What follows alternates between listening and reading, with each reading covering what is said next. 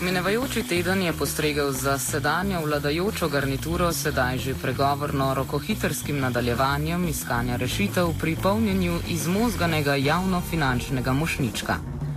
Državno-zborska večina je tako sprejela zakon, ki bo podlaga za ustanovitev tako imenovane slabe banke, s pomočjo katere vlada namerava sanirati slabe bilance in kreditni krč slovenskih bank.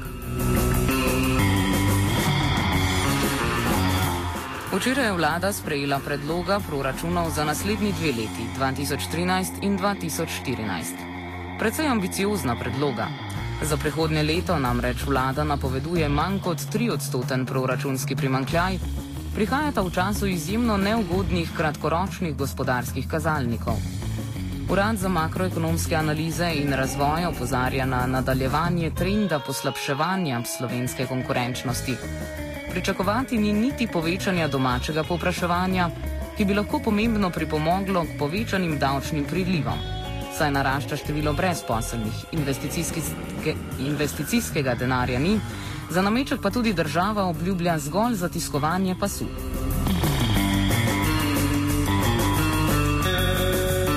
V takšnih okoliščinah čudi, da vlada poleg pokojninske reforme, petodstotnega znižanja mase plač v javnem sektorju in dodatnih obdavčitev v predlogu proračunov za prihodnji leti računa tudi na zvišanje davka na dodano vrednost za nekatere proizvode in storitve, pojasnjuje finančni minister Janez Šušteršič.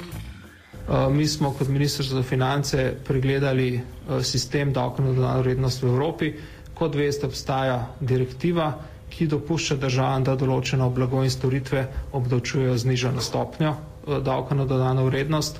Ugotovili smo, da je na tem seznamu Slovenije veliko stvari. Rekli smo si, zakaj je tukaj, tako kot smo rekli na področju socialnih transferov, tako kot smo rekli uh, na področju uh, mase plač v javnem sektorju, tako kot smo rekli tudi pri preomenjenih dohodninskih olajšavah, se pravi, zakaj je tukaj ne bi rekli, ali si res uh, v tem času lahko Eh, privoščimo, da je toliko stvari obdavčenih z nižjo stopnjo. Zdaj predlagamo, da se uh, davčna stopnja pri davku na dodano vrednost dvigne z 8,5 na 20 odstotkov, se pravi, da se premaknejo iz niže v splošno davčno stopnjo um, za skupine proizvodov in storitev, uh, kot so storitve javne higiene, to se pravi, gre za komunalne storitve, uporabo športnih objektov, um, prodajo časopisov in revij, Eh, prodajo hrane za domače živali eh, in pa storitve eh, čiščenja oken, frizerske storitve in pa dobavo lončnic sedik in rezanega cvetja. Se pravi, to so tiste stvari, za katere se nam je zdelo, da ne obstajajo neki zelo prepričljivi, niti ekonomski, niti kakšni drugi razlogi, da bi jih ohranili v znižani stopni obdavčitve pri davku dodane vrednosti. Takšen predlog utegne začuditi marsikoga, saj stranke sedanje koalicije v predvolilnih soočenjih niso delile mnenja političnih tekmecev o morebitnem dvigu splošne 20-odstotne stopnje davka na dodano vrednost. Po njihovem takratnem prepričanju bi takšen ukrep oslabil gospodarsko okolje v državi. Sedaj je očitno vsak evro v državni blagajni še kako dobrodošel. Izpleni iz predlaganega selektivnega zvišanja DDV-ja bi po predvidevanju vlade znašal 70 milijonov evrov, kar v primerjavi s finančnim vrednotenjem ostalih že sprejetih in napovedanih ukrepov ne predstavlja pomembnejše vsote. Dvo ali več stopenski DDV ni le ekonomsko vprašanje, temveč predmet širšega družbeno-političnega konsenza. O smislu diferencijacije DDV-ja govori ekonomist Max Tajnikar. V svetu je običajno tako, da imamo ali enotno stopno DDV-ja, dve, nekateri primeri tudi tri različne stopnje DDV-ja. Eh, v resnici je to delno ekonomsko vprašanje, delno pa vprašanje seveda eh, družbenih odločitev, družbenih preferenc. Eh, če hočete določene družbene cilje doseči, je možno to doseči tudi z diferencijacijo DDV-ja. Če hočete recimo zaščititi sloje z nižjimi dohodki, ki kupujejo določene proizvode, je možno to doseči z nižjimi stopnjami DDV-ja. Tako da ni to toliko ekonomsko vprašanje, koliko je pravzaprav neko družbeno-politično vprašanje, kaj v resnici v neki družbi želimo doseči kot cilj um, ekonomske politike in zlasti davčne politike. Ne. Nos nad selektivnim dvigom DDV-ja vihajo tudi davčni svetovalci. Generalni sekretar zbornice davčnih svetovalcev Slovenije Darko Končan meni, da je vsako nesistemsko poseganje v sistem davkov občutljivo in ni priporočljivo, saj lahko pomalem začne rušiti sistem. Mnenje deli tudi njegov kolega v poslu in nekdani direktor davčne uprave Ivan Simič, ki bi osebno raje predlagal dvig splošne davčne stopnje. Osebno menim, glede na to, koliko ocenjuje vlada, da bo iz tega izplena, torej ocenjuje, da bo okrog 250 milijonov, da bi se popolnoma isti namen dosegel, če bi se splošna stopnja DDV-ja povečala za dve odstotni točki in mogoče bi še bil dejansko večji izplen, a, kot pa bo iz tega naslova, kajti določe, v določenih primerjih tega izplena ne bo takšnega, a, kot mogoče pričakujejo. Predvsem pa povečanje davkov, a, bom rekel, v drugi skupini, to, kar se je zgodilo sedaj, a, brez tega, da nam kdo predstavi analize, kaj je bilo s povečanjem davkov, ki so bili narejeni po temu zakonu iz meseca junija, ne, uh, je mogoče tudi malo še preuranjeno, ampak očitno denarja manjka v blagajni in treba nekaj narediti, ampak osebno sem zmeraj zagovarjal, da povečanje davkov ne pomeni tudi večjega izplena davkov. Ne samo, da takšen ukrep nujno ne pomeni večjih davčnih prilivov, Simšič opozarja celo na verjetne dodatne stroške za državno blagajno kot primer navaja. Torej, ljudje, ki so se prej rekreirali, se bodo, se bodo še naprej rekreirali, ampak bo ta zadeva se dražila 11,5 odstotnih točk. Pomeni, mi bi morali to stimulirati, razmišljati v kontrasmeri, da uporaba športnih objektov za športne namene pomeni, kaj je za zdravstveni efekt, da je celo brez DDV-ja, če že gremo v tej smeri. Ampak, gledajte, to so minimalni zneski davkov. To je zanimivo. Naš sogovornik tudi meni, da pri davčni politiki, vsaj v trenutni situaciji, ideološka podlaga vlade ne igra večje vloge. Med vladami, katera koli vlada, ni, ni velike razlike v tem, kaj počnejo na področju davkov. Ne? Tako da um, jaz um, ne razmišljam niti v levi, desni, srednji, kjerkoli. Torej, vsaka vlada ima neke svoje kaprice na področju davkov. Teri ljudje, ki so danes ministri, so nasprotovali mojemu predlogu o povečanju splošne stopnje DDV-ja, ker bo to prizadelo, ne vem, državljani z nižjimi dohodki 30-40 evrov na leto. Ne? Sedaj so naredili ravno to, povečali so nižjo stopnjo DDV in si jih moče še bolj prizadeti, kot se bi jih prizadeli v tiste varianti. Ne. Tako da jaz občudujem ljudi, ki so politiki, da se lahko tako menjajo svoje mišljenja, in, um, ampak dobro, to je njihov način življenja.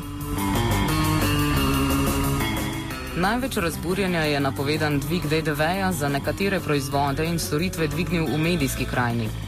Informacije o nameravani obdavčitvi tiskanih medijev so v javnost pricurljale že pred časom, a so jih vladni predstavniki zanikali kot neosnovane oziroma s trditvami, da se o tem sploh še niso pogovarjali. Kot kaže, govorice niso bile iztrte zvite. Odgovor vseh novinarskih združenj pa je vsaj v tem primeru soglasen. Matija Stepišnik, predsednik Društva novinarjev Slovenije. Eh, ta novica, ta poteza vlade Republike Slovenije pod vodstvom Jane Zajanše je katastrofalna za pomemben del eh, slovenske medijske panoge in pa za enega izmed temeljev demokracije, kar tiskani mediji nedvomno so. Eh, vlada Republike Slovenije je gladko ignorirala vse argumente proti dvigu davka na dodano vrednost za časopise in revije, ki smo jih skupaj v enotni fronti na mizo pred vlado položili novinari, novinarske organizacije, uprave medijskih hiš, medijska zbornica in številni drugi. Gre za to, da očitno vlada seveda ne razume pomena uh, tiskanih medijev v tej državi, v družbi, njihove vloge in pa njihovega poslanstva. In glede na to, koliko opozoril, koliko argumentov proti temu je bilo, gre očitno za uh, napad na pomemben del medijske krajine v Sloveniji, uh, tokrat seveda pod krinko nekih sistemskih ukrepov in pa javno-finančne konsolidacije.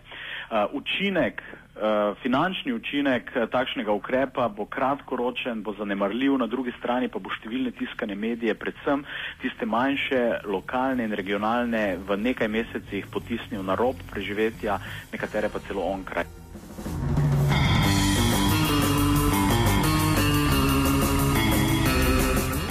Dvig DDV-ja za tiskane medije bi po znižanju naročnine za radio televizijo Slovenije pomenil že drug brezkompromisen udarec vlade medijskim hišam. Le argumentacija je v obeh primerjih kontradiktorna. Če sedaj finančni minister govori o nujni solidarnosti vseh subjektov pri reševanju krize, je resorni minister Žiga Turk znižanje RTV naročnine utemeljeval tudi z evrom prihranka slovenskih gospodinstv. Kaj ob takšnem sprenevedanju preostane novinarskemu cehu? Kar nam je ostalo v tem trenutku, je seveda zaostritev našega opozarjanja. V, že v prihodnem tednu bomo za posebnim pismom obvestili mednarodne novinarske organizacije, nekatere, nekatera veleposlaništva in pa nekatere tuje mednarodne inštitucije, v bistvu, ki skrbijo za dobro kondicijo ali pa za monitoring demokracije, ker menimo, da gre seveda za ogrožanje demokratičnih temeljev v Sloveniji. Poskušali bomo vse poslanske skupine seveda prepričati, da v parlamentarnem postopku takšen ukrep ustavijo in ga v predlaganem proračunu seveda torej iz tega predlaganega proračuna uh, izločijo. Uh, pripričam pa sem, da bomo morali novinari na tej točki strniti svoje vrste in uh, tudi z javnim protestom uh, nekako uh, pokazati in povedati, kaj, kakšne katastrofalne posledice za celo državo, za vse državljane bi imel uh, takšen ukrep, če bi šel celo na koncu skozi parlament. Sam predlog in posledice selektivnega dviga DDV-ja komentira Max Tajnikar. V bistvu je selektivno zviševanje eh, DDV-ja na nek način eh, problematično. Zagotovo se da pridobiti določena sredstva, vendar eh, z selektivnim zviševanjem DDV-ja bistveno bolj obremenimo nekatere sloje. Če pa bi izpeljali linearno zvišanje DDV-ja, potem bi bila ta obremenitev po posameznem davku plačevalcev pravzaprav lahko za isti znesek, ki bi ga pridobil državni račun, bistveno nižja. Tako da jaz sem se vedno eh, zauzemal za linearno zviševanje DDV-ja in mislim, da je konec koncev bolj eh, fair. Zavedati se morate seveda tudi v tem, eh, mislim, da je selektivno zviševanje DDV-ja problematično tudi za potrošnike selektivno zviševanje namreč vpliva na relativne cene, kar pomeni, da se moramo eh, potrošniki v zelo kratkem času prilagoditi na velike spremembe v relativnih cenah. Tako so to manj pomembni ali bolj pomembni proizvodi, ki doživijo više DDV, v vsakem primeru se moramo kot posamezniki prilagajati, ne? ker so te spremembe, kot sem prej rekel, za določen znesek tudi večje, kot pa če bi prišlo do linearnega zviševanja DDV-ja. Tako da uh, na nek način z vidika potrošnika je to manj ugodna varijanta. Eh, v teh kriznih razmerah je pa še toliko bolj narodna, ker povzroča na strani potrošnikov lahko zelo velik šok. V določeni meri pa seveda pliva lahko tudi na ponudbo eh, določenega blaga, ker kot sem prej rekel, spreminja seveda relativne cene. Linearno zvišen DDV-ja ne spreminja relativnih cen. Ekonomisti nijamo radi, da se spreminjajo relativne cene za davčno politiko. Eh, tako, taka korekcija, recimo stopen DDV-ja pa spreminja relativne cene.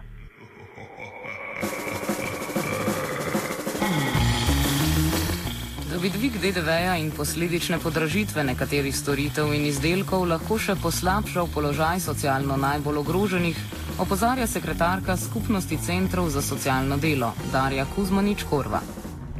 Ja, nas pravzaprav vsak dvig uh, tako cen kot različnih drugih, kot je recimo DDV, skrbi.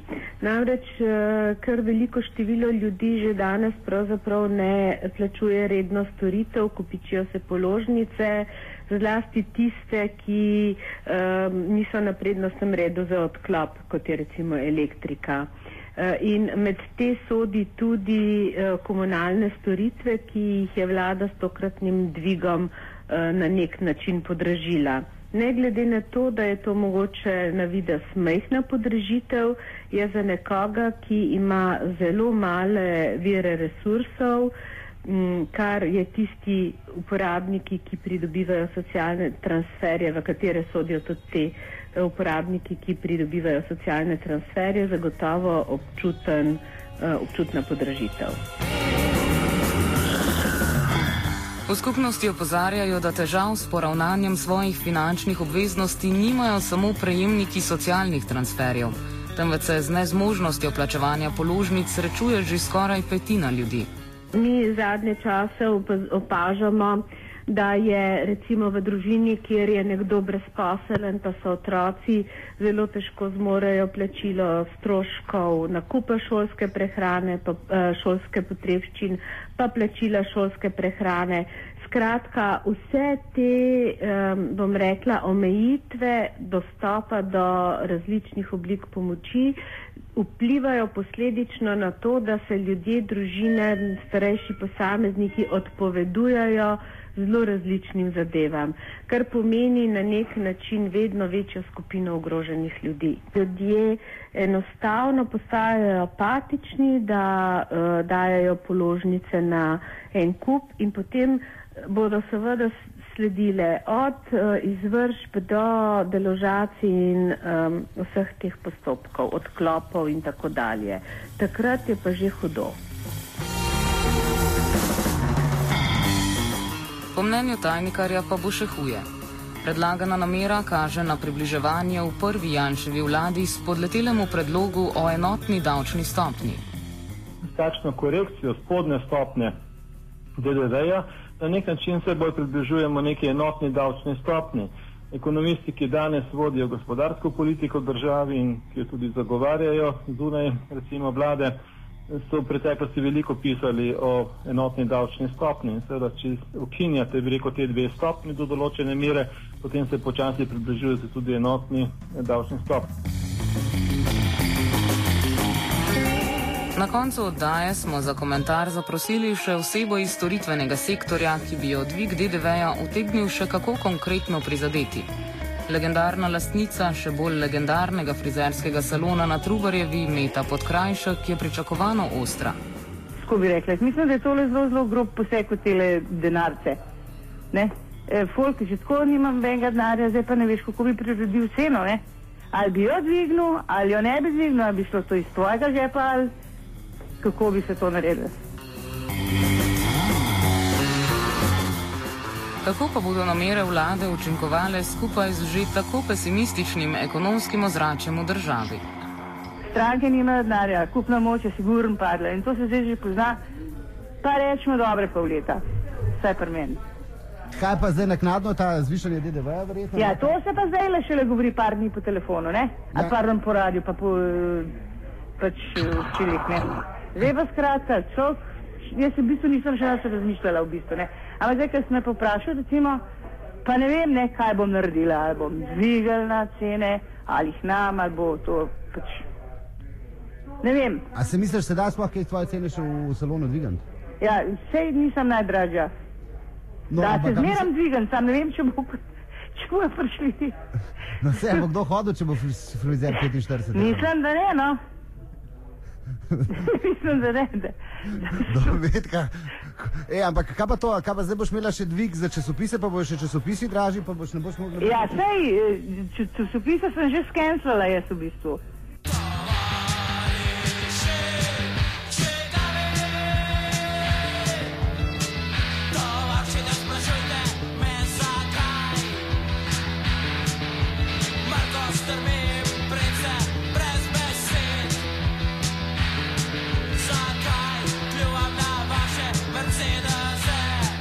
Ta fama se je v Sloveniji razvila, da pač treba vse ljudi z dragimi avtomobili obdavčiti, da ljudje, ki imajo drage avtomobile, niso, niso v redu. In tudi jaz sam osebno sem včasih imel Mercedesa, pa sem ga zamenil za Kijo, pa zdaj nimam nobenih težav več.